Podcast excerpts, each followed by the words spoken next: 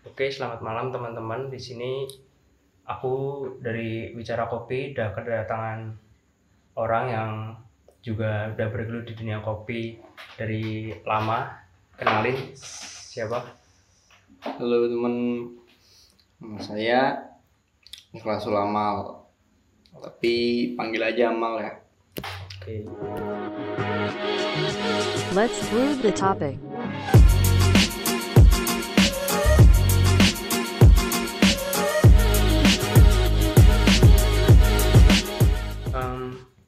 Mas Amal apa namanya? Udah bergelut di dunia kopi sejak kapan dan gimana sih caranya? Kok bisa masuk ke kopi gitu, dari awal? Oh, tuh tuh kalau nggak salah, aku mulainya tuh dari ini bulan Agustus tahun 2000 berapa tahun lalu 2019 ya? 2019, 2019 ya. Itu, itu akhir ini sih akhir-akhir di semester 2 Semester 2 SMA. semester 2 ini ya Oh, kuliah dong kuliah. Oh iya. iya Kuliah. kuliah nah itu kan Udah mulai buat kopi? Iya. baru kenal kopi? itu udah mulai bikinnya Hmm, kan itu kenal langsung bukan kenal sih jadi kayak udah suka Hmm. emang pengen kerja aja gitu pengen kerja Hmm. yang di apa di soal perkopian gitu pertama kali kenal kopi itu gimana sih mas? Kok bisa tahu ada minuman apa ya bukan minuman kopi kalau selama ini kan kita kenalnya kopi yang kapal api sasetan oh gitu iya. kan. nah kok bisa ketemu kopi yang bener-bener kopi gitu? Oh iya. Itu tuh ini kalau nggak salah kelas 2 SMA ya. Hmm. kelas 2 SMA pernah kan itu suatu hari aku main ke perpustakaan kan. Lagi pengen banget baca koran tuh oh dari SMA udah baca koran ya? Yo yo gitulah. Sampai sekarang nggak pernah baca koran. Kan, bacanya iya. berita di Instagram. Kayak- kayak itu dulu tuh kayak gabut banget gitu loh istirahat kan. Jajan juga males gitu kan mau kantin rame. SMA nya mana sih emang? Aku SMA nya di SMA MTA oh MTA Hmm. sama dia ya? Bukan. Oh bukan. Ya mirip-mirip lah. Oh madrasah tinggi ya madrasah gitulah nah kan pernah kan main ke perpus baca koran hmm. terus di eh, salah satu topiknya itu di salah satu beritanya di korannya itu apa menarik yang menarik tuh gini soal perkopian gitu kan Hmm. kayak tertarik bagaimana gitu kan terus baca-baca tuh ngebahasnya soal eh, kopi di Flores oh nah kopi di Flores varian yang dari Flores Hmm. Nah, terus kayak apa ya? Mulai dari situ kayak timbul penasaran aja gitu loh. Kayak pengen banget kan nyobain kopi dari daerah sini itu, daerahnya Flores itu. bedanya sama kapal api apa Ah, itu bedanya apaan gitu. Nah, itu mulai tertariknya itu di situ. Terus eh, suatu hari waktu kan ada kan kalau kita nih anak selama kan ada waktu yang namanya waktu perpulangan. apa itu Perpulangan tuh jadi kayak satu ha- satu hari kita tuh boleh pulang. Oh satu hari doang Heeh, boleh ke rumah saudara atau ke, ke rumahnya kita gitu. Kan berapa ada yang rumahnya emang daerah sekitar situ, Hmm. kayak Seragen mana gitu kan. Nah, waktu perpulangan eh, kadang-kadang tuh ini, aku manfaatnya buat main aja gitu kan. Entah main ke rumah temen atau main ke mana lah gitu. Hmm. Main ke rumah temen terus pernah diajak ke kafe. Dulu tuh ini pertama kali tuh diajaknya ke ini, ke ngopi serius namanya. oh serius Nah, itu daerah Kota Barat kan ya kalau salah ya. Ah. Nah, ngopi di situ kan. Terus lihat-lihat menunya. Ada kopi daerah kan. Nah, Hmm. kebetulan kan lagi pengen juga gitu kan. Sempat baca di koran yang itu. Terus, tapi kok bingung gitu. Soalnya tulisannya tuh apa ya? menunya aneh Ini udah ada nama daerahnya terus kayak Ah. ada apa itu ada natural, ada was, kayak, eh, kayak apaan nih gitu kan. Ini kan maunya kopi Flores tapi kok ada tiga ada tiga yang beda gini kan. Flores semua Heeh, ini apaan nih gitu. Coba aja kan bisa satu pengen banget kan yang dari Flores. Saya milih itu. Terus ditunggu kan, hmm. ditunggu. Sudah disajiin. Wah keren nih Oke. sajiannya ya kan. Kayak ada sloki ada slokinya sama servernya eh, servernya keren gitu ya Hmm. kan. Kayak mewah gitu. Udah kayaknya kan udah feeling apa ya? Kalau setahu kita kan bagi yang awal tahu itu kan ini kan kayak kopi itu kan pahit-pahit manis gitu enak kan ya. Udah coba aja langsung eh, nuangin banyak. Langsung aja minum. Oh Anjing, apa iya, ini? apa gitu ya gak sih? Kayak apa sih ini? Asem. Asem asem banget. Kopi terus basi. ah ini tuh apaan? gitu kayak nahan aja itu sampai susah. Eh, sampai kayak pengen dimuntahin lagi gitu. Dua puluh ribu kok dimuntahin. aduh tuh. Aduh. Udah itu pengalaman tuh kayak apa ya? Udah dilema banget. Aduh gimana ini? Terus akhirnya apa ya? Buat bosan lah gorengan atau apa gitu kan. Terus kebacot sayang kalau misalnya nggak dihabisin ya udah dihabisin. Nah terus habis itu kayak apa ya? Selang beberapa kan biasanya kan kalau kita mengonsumsi satu makanan atau minuman yang enggak pas sama selera kita kan kayak Hmm. ah udah nggak mau gitu kan ya nggak mau nyoba-nyoba lagi tapi ini kok bedanya apa ya kayak rasanya tuh kayak ini loh pengen lagi gitu loh kayak Kangen, kangen kayak- gitu kayak- kan ya Ada yang kurang ya. Ah, kayak ada yang Penasaran lagi. "Hmm, kok kok gimana ya nggak enak tapi kok pengen gitu Hmm. gitu sayangnya eh, waktu coba kedua kalinya di esok esok harinya kan Hmm. Kayak ini udah mulai bisa nikmatin aja gitu Oke. sama lama jadi seneng Kalau aku sih dulu pas waktu ke kafe pertama kali kan kan aku nggak pernah ya nongkrong-nongkrong di tempat kopi-kopian sebelumnya. Nah, Hmm. pas pertama kali di situ lihat menunya, wah anjir, kok 20-an semua. Bangsat. Wah. Terus akhirnya cari kan yang paling harganya paling murah itu, ketemu espresso. Wah, oke deh pesen espresso. Hmm. ah iya Kan- bener kan namanya kan kita apa ya keren gitu. Iya. pikirku enak gitu. Ya udah pesan espresso satu habis jadi kok loh kok cuman seloki kecil sama air putih? Ini apaan anjing? Paling ini sampel mas ini. sama biskuit kecil itu. Oke terus akhirnya aku coba seruput dikit. Wah nggak doyan sumpah. Waduh. pahit banget. Terus akhirnya cuma makan cookies sama air putih doang. Espresso nya nggak aku tinggal. Terus ke depannya mulai penasaran lagi ini emang aku yang nggak doyan espresso apa gimana? Terus akhirnya ke coffee shop lagi coba yang lain. Terus hmm nggak sepahit yang sebelumnya masih setidaknya nggak pahit lah ada Iya, ada iya. semasuknya cuman ya masih kaget. Terus akhirnya mulailah kebiasaan sama kopi terus jadinya udah tahan sama pahit asin sih. Terus semenjak itu jadi kayak wah kok ini minuman kok bisa jadi gini ya? Cara buatnya gimana? Apa cuman diseduh kayak kopi kapal api tapi kok nggak ada ampasnya Iya. terus akhirnya penasaran cara buatnya lihat-lihat barista terus jadi kenal sih apa sama dunia kopi jadinya tertarik buat terjun soalnya kayak seneng aja gitu buatin minuman enak ke orang lain Hmm. Masih awal-awal apa namanya kerja itu pengalamannya gimana mas ke dunia kopi Oh gitu. Awal kerja ya ya gitu kan namanya juga ngerti apa kan ya. Hmm. Kan nggak punya basic apa-apa kan sebelumnya. Jadi kayak suruh apalah nyuci-nyuci lah. Oh, awalnya dari itu helper-helper gitu ya? Ah, nyuci-nyuci lah terus suruh bantuin kasir lah. Hmm, Ya gitu lah terus suruh ngeliatin tuh. liatin. Kan kita kan pengennya kan pengen langsung bisa gitu ya. Ah. Jadi awal-awal ya kayak gitu suruh jadi kayak jongos dulu. Suruh Jadi nyuci. Kalau misalnya lagi apa nggak ada kerjaan kan cucian belum ada Hmm. paling pelongo-pelongo aja ngeliatin yang bikin iya Pertama kan kali, gitu kan nggak ngerti apa-apa kan dulu Nah, Ya. pertama kali kerja di mana mas?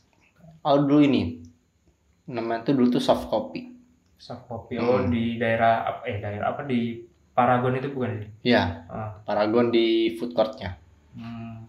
aku di situ Di situ berapa lama mas?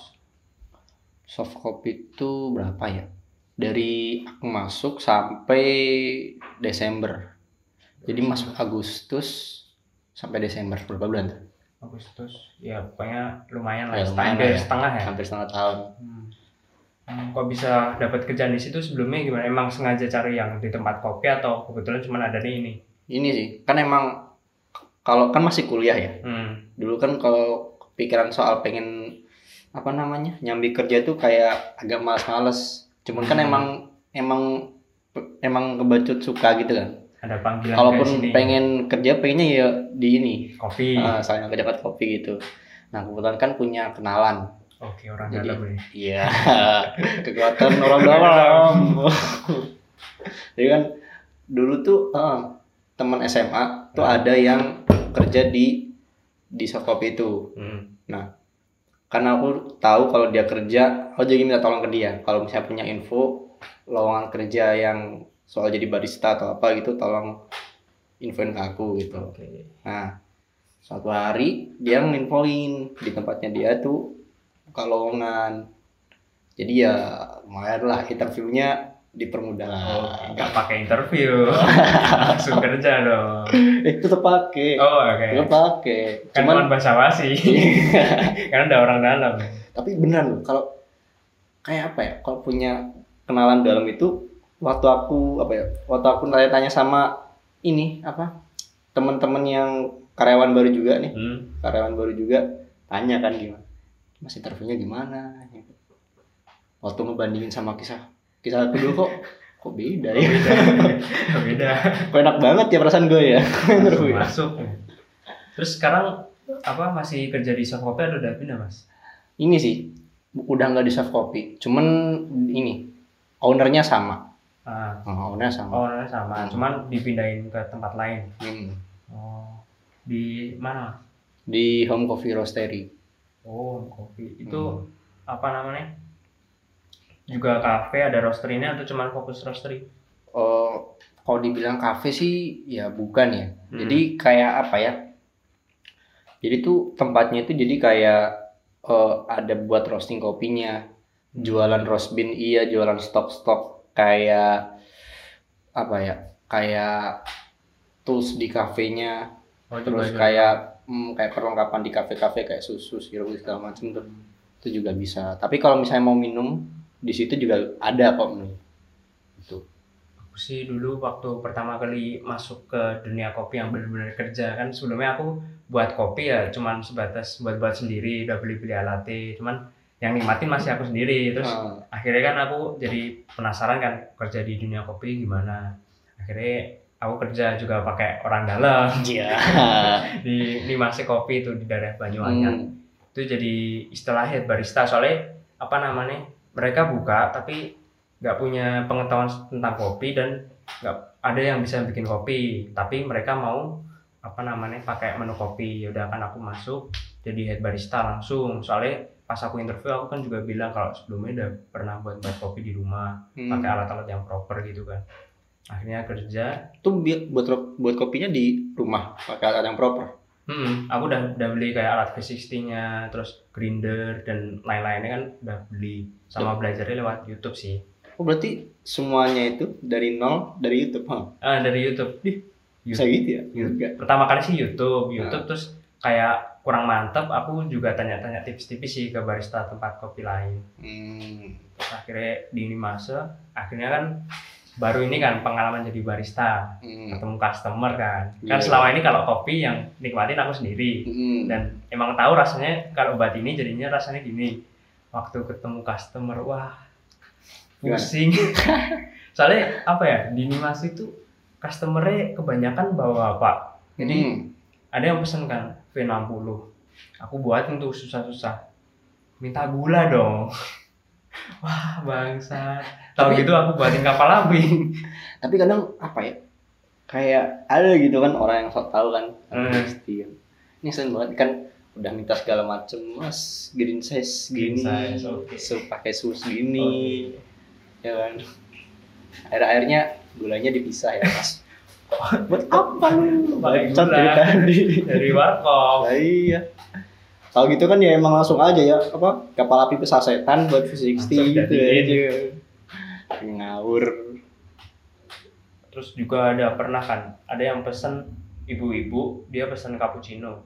Hmm. cappuccino aku buatin kan udah. Pas waktu diminum dia komplain mas kok ini pahit sih? Gak bisa diminum ini. Ini apa ini mau nyalahin customer juga nggak bisa posisi kan aku pelayan kan istilahnya. Ya udah oh mau bu aku kasih kentang manis bu. Oh ini kalau gini terus aku nggak balik nih mas. Terus akhirnya udah aku kasih kentang manis terus diminum. Nah ini baru mas kopi. Ya bu Oh. kopi. Ini baru kopi gitu ya? Baru kopi. Oke gitu. Ayo, emang paling paling bangsat sih itu sih. Pas pesen cappuccino itu paling bangsat. Kalau apa V60 kasih gula karena terlalu sering jadi ini. Hmm. udah biasa tapi kalau yang cappuccino itu sih paling bangsat kalau masih ada pengalaman-pengalaman lain kak yang ngaret-ngaret itu yang aneh-aneh? Aneh-aneh? Hmm. selain V60 kasih gula gitu. Ada ah, ada tuh. Ada kan ke apa? Customer tuh udah bapak-bapak kan? Nah, dia mesen espresso. Oke. Ah espresso kan? Bapak espresso. Ah. cocok kalau dari apa ya biasanya? Kalau bentukannya kawakan kalau dari kita nih Hmm. yang oh. kan punya kebiasaan kan. Hmm. jadi kalau tiap ada customer mesen espresso kan Hmm. pasti tanya dulu tuh sebelumnya sudah pernah minum espresso? Oh. ya kan? Eh, jadi kan biar ini kan biar tahu dulu gimana Oke. gitu. Kalau dia jawab dia jawabnya gini coba. Oh sudah. Oh oke. Itali sana. Itali tuh beda sama Indonesia. Gitu oke kan gitu kan. Buatin buatin aja kan espresso terus udah jadi disajiin. Dia ngeliat gelas tuh sambil apa ya kayak heran gitu. Ini apa? Kayak terus diketawain coba. Eh, kayak gue kan ngeliat yang dari jauh kan ya. Hmm. rasain udah belagu sih. Terus pas diminum gimana reaksinya? Yuk mukanya kayak muka espresso. Eh, gitu aduh. Gak tahu kan ya kayak orang-orang pertama kali minum espresso Eh, muka espresso. Eh. emang sih apa ya kalau ke coffee shop belum pernah nyobain espresso sih kurang sih. Kalau cuman pesen kopi susu lu belum ke coffee shop. Lah, iya. Pengalaman emang tuh harus emang gua bapak kan udah udah minum udah kayak ngempet gimana gitu. Batin rasain lu tuh kopi tali tuh. Tapi kalau apa namanya kalau kebanyakan di coffee shop di su- mungkin di semuanya juga gitu ya. Kalau pesan espresso kasih air putih itu kenapa sih? Oh kurang tahu sih kalau itu. Kurang tahu. oh espresso sama air putih? Ah. Mungkin mungkin kemungkinan ini sih. Kan beberapa mungkin ada yang nggak kuat itu kan. Hmm. jadi buat penawarnya aja. Oh batu nawar ah. Oh, kan sebenarnya air putih tuh nggak cuma di espresso juga. Kan ada beberapa coffee shop yang dia misalnya ngasih seduhan kopi apa gitu kan. Hmm. kayak V60 lah dia juga kasihin air putih. Air putih juga. Oh. Soalnya kalau aku lihat apa namanya di negara asalnya kalau orang minum espresso itu kan ada kan istilah espresso bar. Hmm. jadi sekali minum one shot udah langsung cabut. Iya gitu emang. Ah emang gitu. Kok di sini pakai air putih emang. Kebanyakan gaya Iya. minum espresso. Soalnya kan emang espresso itu kan apa ya bisa bilang yang paling sering didengar lah yang familiar Hmm. kan ya. Hmm. walaupun emang belum tahu kan tapi kan familiarnya yo espresso gitu kan. Hmm. di tempatnya masih apa namanya semenjak corona ini ada perubahan gitu nggak mas? Dari mulai apa sistemnya atau ada dampak nggak? Oh iya jelas dong. Jelas. Ada yang kena itu nggak dipulangin ke rumah atau gimana gitu. Ini, pegawainya. ini korbannya nih salah satunya. Masih juga? Iya dong.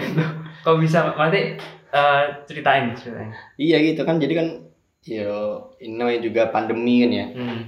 jadi kan eh coffee shop itu juga salah satu yang berdampak juga. Hmm. karena kan di apa di salah satu tempat kan itu kan modelnya kayak komplek bukan kompleks sih kayak gang gitulah ya. Hmm. nah salah satu tetangga di deket home coffee itu tuh ada yang positif. Waduh. Sehingga kantor tuh harus tutup. Langsung tutup. Hmm. kantor tuh harus tutup. Berapa hari itu mas? Minggu bulan? Sebulanan kayaknya. Wah, lupa tuh bulanan. Jadi karyawan juga kantor tutup karyawan juga dirumahkan kan ya. Waduh. mau di rumah terus kopi-kopi kan roastery kan? Pasti mungkin sebelumnya udah ngeroast atau udah ngapain itu terus kopinya diapain? Nah itu Sebulan. itu nggak ngerti sih. Soalnya apa sebelum di roasterinya kan aku di coffee shopnya. Dulu tuh di Hmm. depaknya ya kan? Oh di depan Ah, oh. Di depaknya. Dulu depak tuh ada hmm, masih buka sih coffee shopnya. Tapi karena kok ini apa masa-masa co- covid ini kok makin lama makin parah kan ya? Hmm, Jadi- si- Heeh, gue di ini dipulangin dulu nah kebetulan juga itu kan lepasin sama yang daerah situ ada yang positif di di roasterinya itu Hmm. jadi juga itu juga tutup Juga tutup. Mm-mm. Soalnya aku juga dulu apa namanya sebelum buka tempat kopi ini sebenarnya udah planning sebelum corona jauh. Hmm. Terus pas mau action der corona. Wah, wah jadi ini nggak bisa jalan terus nunggu sampai akhirnya kan daerahku udah mulai rame dah kayak dah apa namanya corona apa sih ya hmm. nggak ada apa-apanya terus akhirnya udah lah mulai berani buka sih mulai dipanggil kap- lagi kapan mas Juni awal Juni awal udah mulai Hmm. kerja lagi hmm. itu kan kayak udah bosen kan ya di rumah Hmm. di rumah udah bosen terus nanyain kan udah mulai awal-awalnya normal langsung nanyain ke bos kira-kira bisa masuk kapan gitu Hmm. kalau nggak salah sekitaran besoknya udah di ini udah dikabarin lagi kan udah bisa masuk iya gitu terus akhirnya nah masuknya itu sekarang apa pas waktu masuk awal Hmm. awal langsung dipindahin ke tempat roasterinya Oh, jadi pas apa namanya pemanggilan tuh langsung hmm. dimasukin ke roastery. Hmm. sampai sekarang jadi fokusnya di itu Oke. Semenjak apa namanya pandemi gitu kan apa namanya dari roastery itu ke, apa namanya demandnya turun nggak sih atau apanya? Demand kopinya. Apa tuh? Eh, permintaan permintaan kopi. Oh, kan, permintaan- kan supply kan? Oh, iya, iya. ya. itu permintaannya turun atau malah tambah naik atau gimana? Kalau awal-awal tuh jelas masih hancur sih. Hmm. ya kan? Kalau kan kalau misalnya kita tuh kan punya customer tuh kan coffee shop juga kan? Hmm. jadi beberapa itu ada banyak yang apa? Belanjanya ngurang ya kan? Yang sebelum 5 kilo Oh. jadi 2 kilo. Oh, tapi lama-lama mikir keras juga kan Hmm. mikir keras juga gimana nih caranya biar bisa naik omsetnya gitu Hmm. adalah strategi jemput bola namanya kalau bosku bilang jemput bola gimana Ah, jadi kalau kita diam terus di sini nungguin orang datang kan ya Oh, Susah iya. banget kan? Hmm. cobalah kayak kita bikin misalnya ini lagi tren apa nih Hmm. kopi susu botol satu literan gitu kan Hmm. kita buat ini kita sebar brosur ke perumahan-perumahan gitu Oh, oh main brosur. nah sempet gitu sebar brosur terus nawarin lah ke coffee shop mana Hmm. itu modelnya jadi kayak ya kalau bos gue bilangnya jemput bola Oke, oke. Sejak itu mulai naik gitu. ya Ah. kalau berarti naiknya omset di kopi botolnya. Kalau sempet di kopi botol Hmm. hmm. Terus semenjak udah lanjut-lanjut kopinya udah mulai naik lagi. Hmm. Kalau apa namanya sekali ngerosting itu eh iya istilahnya roasting ya. ya Sekali ngerosting itu apa namanya? Berapa kilo sih Mas bisa? terlihat ini aja sih lihat yang di display dulu aja kayak tadi kan misalkan ini ada beberapa ini ada dua toples ada yang kosong Hmm. bisa mungkin langsung 10 kilo Oh. Itu 10 atau 15 kilo Kita kirain kalau apa namanya ada yang minta langsung di roasting. oh iya itu juga ada itu kan masuknya ke jasa roasting Hmm. kan kita kan juga buka jasa roasting tuh jadi kalau ada yang bawa green bean minta di roasting juga bisa Kalau yang nggak bawa green beans, berarti tapi pengen roasting seger gitu. wah itu belum pernah sih Belum pernah. Ah. Hmm. Jadi harus bawa green beans sendiri baru bisa di roastingin. Mm-mm. Kalau mau roasting emang gitu kalau orang siapa ya beruntung aja sih kalau misalnya kan dia datang ngepasin lagi ngerosting bisa ngeliat langsung kan Hmm. harusnya langsung tapi biasanya kan kalau customer tuh jarang kayaknya nggak ada deh kayak gitu belum belum ada lah nanti Belum ada. Kalau apa ada nggak customer yang bukan dari coffee shop, jadi dia apa beli buat pakai di rumah. oh ada Rame itu. Eh, lumayan Lumayan. Hmm, Tak kirain kalau roaster itu customernya cuma dari coffee shop. ya juga ada datang kayak ada tuh beberapa beberapa kayak karyawan kantor Hmm. datang buat minum ada kan ada juga itu apa ibu bawa anak-anak banyak buat Hmm. Siapa? minum Hmm. ada Kalau yang bawa apa? Kalau yang beli biji buat dipakai di rumah, bukan buat coffee shop. ada itu lumayan juga lumayan kenceng Berarti apa namanya orang-orang bikin kopi di rumah itu udah mulai rame ya? hmm. Hmm, itu semenjak corona atau emang sebelum corona nih karena gitu? karena aku baru di roasterinya jadi ya baru tahu sih Oh, kayaknya sih ini baru ini Hmm, soalnya kan mungkin gara-gara corona jadi apa namanya daya belinya kurang terus jadi pilih pengen ngopi tapi gimana caranya biar murah ngopi sendiri gitu. bisa jadi juga sih gitu Hmm. Kadang kan kita kan kita kan juga jualan sirup Hmm. ada customer juga kan yang kayak apa ya eh kangen rasa kopi di coffee shop ini Hmm. ya kan tapi akhirnya karena nggak boleh keluar dia beli stok sirup ke kita Oh, jadi itu- buat sendiri gitu. Nah, daripada keluar ya kan Hmm. jadi eh, kan itu anaknya ya yang suka Hmm. nah ibunya mikir kan daripada dia keluar terbahaya buat mending beliin sirupnya lah apa Oh, gitu buatin sendiri. mau buat di rumah gitu lama-lama tuh. jadi coffee shop malah. nah sultan Kalau apa namanya kan aku pernah denger-denger ya apa di coffee shop coffee shop itu mereka ngestok espresso gitu. oh iya Bener nggak? ada tuh beberapa coffee shop Hmm. tuh Menurutmu tuh gimana tuh ngestok espresso? ya nggak apa-apa sih itu kan termasuk apa ya Tapi kan espressonya nggak seger. iya Hmm. Nah, ya itu jadi kayak apa ya kan ada beberapa mungkin yang eh, dia kayak cepet banget gitu loh hmm. jadi pesen ambil pulang gitu kan hmm. bisa jadi kan eh, karena buat apa cepet aja gitu kan Ngejar cepet ya. Hmm, Tapi kalau aku sendiri sih apa kalau buat coffee shop coffee shop yang ngestok espressonya agak gimana rasanya? Apa ya kayak jahat. Bukan.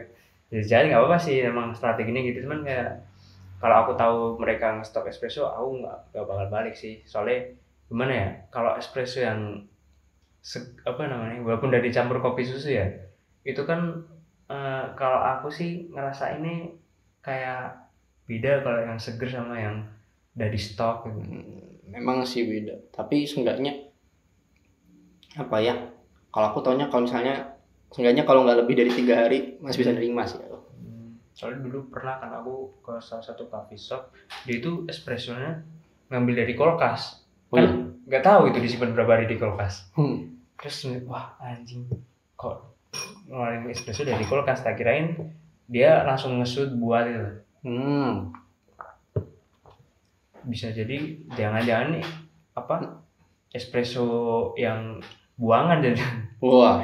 Kan kalau kalau aku sih kalau buat di shoot pertama yang aku sajiin yang shoot kedua aku buang. Soalnya kayak apa namanya udah terlalu lama kontak air kan. Soalnya kan aku pakai ropeso jadi ini apa namanya kayak gak seger gitu kalau di stok. Tapi beberapa juga ada sih yang dia tuh karena nggak punya mesin kan nggak punya Hmm. mesin atau alat manualnya. Jadi dia tuh espressonya tuh beli. Ada yang kayak gitu. Oh ada tuh jual beli espresso. Ada. Tuh itu gimana? Maksudnya kayak kalau beli kopi susu kan gelas pasti kalau espresso. Iya espressonya langsung literan gitu. banyak gitu. Hmm, kayak misalnya kopi literan gitu jadi espresso satu liter atau gimana gitu? Oh ya segitu itu apa namanya gimana itu maksudnya aku baru denger nih Oh, iya. ada yang jual beli espresso gitu. Ada. Hmm, pernah pernah tahu nggak? Atau mungkin di roastery masih juga Yo, jualan gitu? Aku kan pernah tahu tuh. Hmm. ada yang beli espresso sebotol sebotol gede lah. Hmm. nah itu buat dijual. Tapi biasanya kalau yang kayak gitu ini sih nggak mah bakal habis nggak nyampe dua hari udah habis gitu. Hmm. sedangkan kan kalau es- apa ya masa freshnya itu tiga hari Iya. kurang lebih tiga hari setahu aku tiga hari jadi ya ya nggak masalah juga sih Hmm. Ya apa namanya? Kalau semisal kop espresso seliter tuh kira-kira berapa itu? harganya Hmm. oh berapa ya nggak tahu Nggak tahu, belum pernah. belum tahu juga Nah, lihat itu di mana? Hah? Lihat orang beli apa jual beli itu espresso di pernah diceritain sih Oh, diceritain Nah. sama bosnya Mas ya? oh. Hmm. Kalau menurut Mas sih apa namanya? Kan di Solo kan udah banyak nih coffee shop. hmm. ntar ke depannya gimana menurut lu? apa semakin banyak atau malah pasarnya jenuh atau gimana kalau ngelihat sih apa ya kalau daerah Solo ya Hmm. ini sih ya lebihnya ke- lebih ke ini kopi susu kekinian sih emang Hmm. ya secara kita sadari kan pasti kan apa ya kopi susu itu eh, produk yang gampang maksudnya yang Simple banget. simple dan itu mudah diterima Hmm. ya kan Di- Sama- yang paling pasarnya luas. ah nah itu sedangkan kalau kita lihat specialty coffee Hmm. V60 atau apa segala macam itu orang kan masih kayak apa ini kan ya masih bisa kurang lama juga gitu kan Masalahnya iya sih segmen Hmm. banget sih kalau buat Nah. specialty. Tapi kan bukannya Indonesia itu penghasil specialty terbes eh pokoknya besar gitu kan. iya cukup Itu apa namanya? Berarti kebanyakan juga larinya keluar itu. apanya kopi specialty ini kan secara kalau misal di apa kopi milenial sekarang kan kopi susu pada Hmm. kebanyakan dan itu kan kebanyakan pakai robusta yang sedangkan Indonesia sih kebanyakan robusta tuh arabica sih. Kalau penghasil kopi. Oh, nggak tahu ya? Kurang tahu. Hmm, belum tahu juga sih. Kalau apa namanya? Semisal eh, di Solo ini kedapetan apa? Satu coffee shop yang eh, istilahnya apa ya? Dia berani main modal gede dan buat jatuhin pasar coffee shop lain nih menurutmu ntar gimana itu? Misal ada satu. Gimana? jadi Satu. kan di Solo kan ada banyak coffee shop. Ah. Terus ada satu ini orang brengsek. Ah. Dia apa namanya? Punya modal gede. Ah. Jadi dia buka coffee shop dengan harga yang di bawah banget sama pasaran. Jadi misal kopi susu cuman sepuluh ribu udah dapet. Hmm. kan apa namanya? Kebanyakan di atas itu kan. Hmm.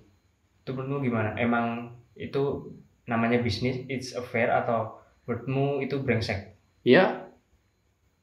Itu bisa jadi ya wajar aja sih sebenarnya. Wajar namanya bisnis Heeh. Hmm, tapi kan kamu nggak tahu kan misalnya di balik dapurnya gimana. Iya sih.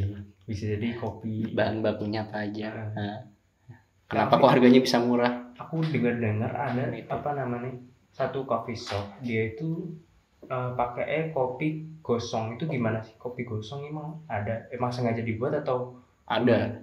oh ada? Hmm. bisa jadi kan kalau kenapa harga kopi murah? Ya mungkin Hmm. bisa jadi itu hmm, bisa jadi mungkin dia pakai kopi asalan misalnya. Di tem apa namanya? Di roasterynya tempatnya mas kerja itu juga ada itu apa, kopi gosong. Nggak ada. Nggak ada? Nggak ada. Tempatku tuh ini roastingannya ini medium mainnya di medium nggak? Namanya di medium. Oh nggak main di apa namanya? Eh base medium apa? Yang dark. dark ah yang dark dark kopi dark itu jarang sih. Hmm, itu kenapa? Demandnya kecil atau emang specialty-nya di kopi? Hmm, sih itu. Tapi kan apa namanya? Kebanyakan orang Indonesia kalau aku lihat di apa namanya? Kebanyakan customerku ya mereka itu suka robusta. Dia suka Oh. yang pahit-pahit. Pahit. Nah, ya bapak-bapak tuh. Hmm. kopi tuh kalau nggak pahit ya bukan kopi. Makanya apa namanya aku mikir kok kenapa malah uh, kopinya tempatnya masih roasting itu mainnya cuma di medium. Padahal kan Dark juga punya pasarnya ya. Juga sih. Cuma nggak tahu juga sih belum pernah nanya sih soalnya kalau soal hal itu. Belum anu tuh apa pernah megang roasteringnya ya? Belum belum pernah. Dapet ilmunya juga. Oh di di situ cuman buat buatin kopi anu. Hmm. tapi kan sekarang apa namanya tadi kan bilang gara-gara corona kan tutup Hmm. yang kafenya itu terus masih kerjanya jadi apa? Kalau nggak megang roastering gimana? Kalau nggak megang roastery masih kerjanya apa? Kan kafenya tutup. Ya jadi gini loh. Kan sebenarnya kan roasterinya hmm. itu kan home Hmm. nah dulu tuh ibaratnya home itu orang tuanya Hmm. punya anak coffee shop coffee shopnya Hmm. nah coffee shop coffee shopnya itu pada tutup kan nah kan sekarang di home sekarang di home nah di home itu dia tuh kayak apa ya ibaratnya segalanya itu ada gitu minum ada Hmm. jual bin ada oh jadi apa? Yang lebih ke transaksi beansnya. Mm, bukan lah kalau yang roastery itu ada yang pegang sendiri? Ada itu bosku sih. Kalau yang roasting Oh. tuh bosku. langsung dari bos. Hmm, langsung dari bosku. Kok nggak pakai apa namanya pegawai-pegawainya gitu? Paling kalau pegawainya ini sih minta tolong apa eh, kayak nyalain nyalain mesin roastingnya gitu. Kalau apa masih harapan buat kopi di Indonesia itu gimana? Harapannya? Ah, di Solo lah lebih kecil skalanya ke depannya. Kalau harapan sih ini sih ibaratnya apa? Eh, pengennya sih ini kopi tuh lebih ini lebih didukung lagi sama pemerintah. Hmm. jadi kan kayak ini kita nih kopi tuh kan kaya banget ya. Sebenarnya Hmm. tuh luas banget. Daerahnya di mana-mana nah cuman sayangnya banyak yang nggak kepegang sama pemerintah. Oh gitu. Nah, jadi kan ada yang emang dia apa ya petani-petani kecil tuh mungkin kayak di koperasi apa gitu kan. Hmm. masih belum bisa kepegang sama pemerintah. Jadi sehingga kayak apa ya produksinya tuh jadi kayak ini kayak kurang itulah tangan pemerintah tuh kayak kurang nyampe ke yang petani-petani kecil. Hmm. dan aku apa namanya pernah dengar ada banyak itu kan kalau petani-petani kecil gitu mereka ke istilahnya kegabannya sama tengkulak-tengkulak gitu. Mm-mm, nah gitu Kasihan banget. nah Biasanya kalau green beans misal pasarannya itu berapa sih sekilonya? kurang tahu sih Oh itu. kurang tahu. Hmm. Kalau harapan yang lain selain dari pemerintahnya, kalau buat pelaku pelakunya mungkin atau customernya mungkin Oh, harapannya gimana? apa ya kalau dari customer aku nggak bakal kayak ini sih nggak bakal kayak bilang pengen specialty kopi naik tuh enggak Enggak. tapi seenggaknya eh, produk kopi kita bisa diterima semua dan itu jadi minuman favorit semua ya kan Kalau aku sih satu harapan sih buat para customer itu sebelum pesan Hmm. belajar dulu. Jadi jangan nyalain baristanya. iya tuh aduh. Kadang kan kalau komen apa ya? Kalau di di apa namanya istilahnya? Kalau ada yang ngeluh ke kita kan Oh komplain. eh, komplain gitu kan kayak perasaan ya nyeduh gini-gini aja bener. Bisa kok- orderan. Heeh. kok ngeluhnya ya kok ngeluhnya ini yang salah siapa? Kopi kok pahit ya nggak pahit. Oke oke. Berarti apa namanya? Harapannya itu tadi ya mas makasih ya mas. Udah apa namanya nyempetin buat datang 12 malam nih. Santai. kedai baru aja tutup langsung datang nah, habis ini ada kegiatan apa mas? Atau langsung balik? Mau tidur. Oke. Kalau gitu sampai di sini aja dulu. Terima kasih ya mas sudah oke. datang. Selamat tidur. Yoi. Terima kasih mas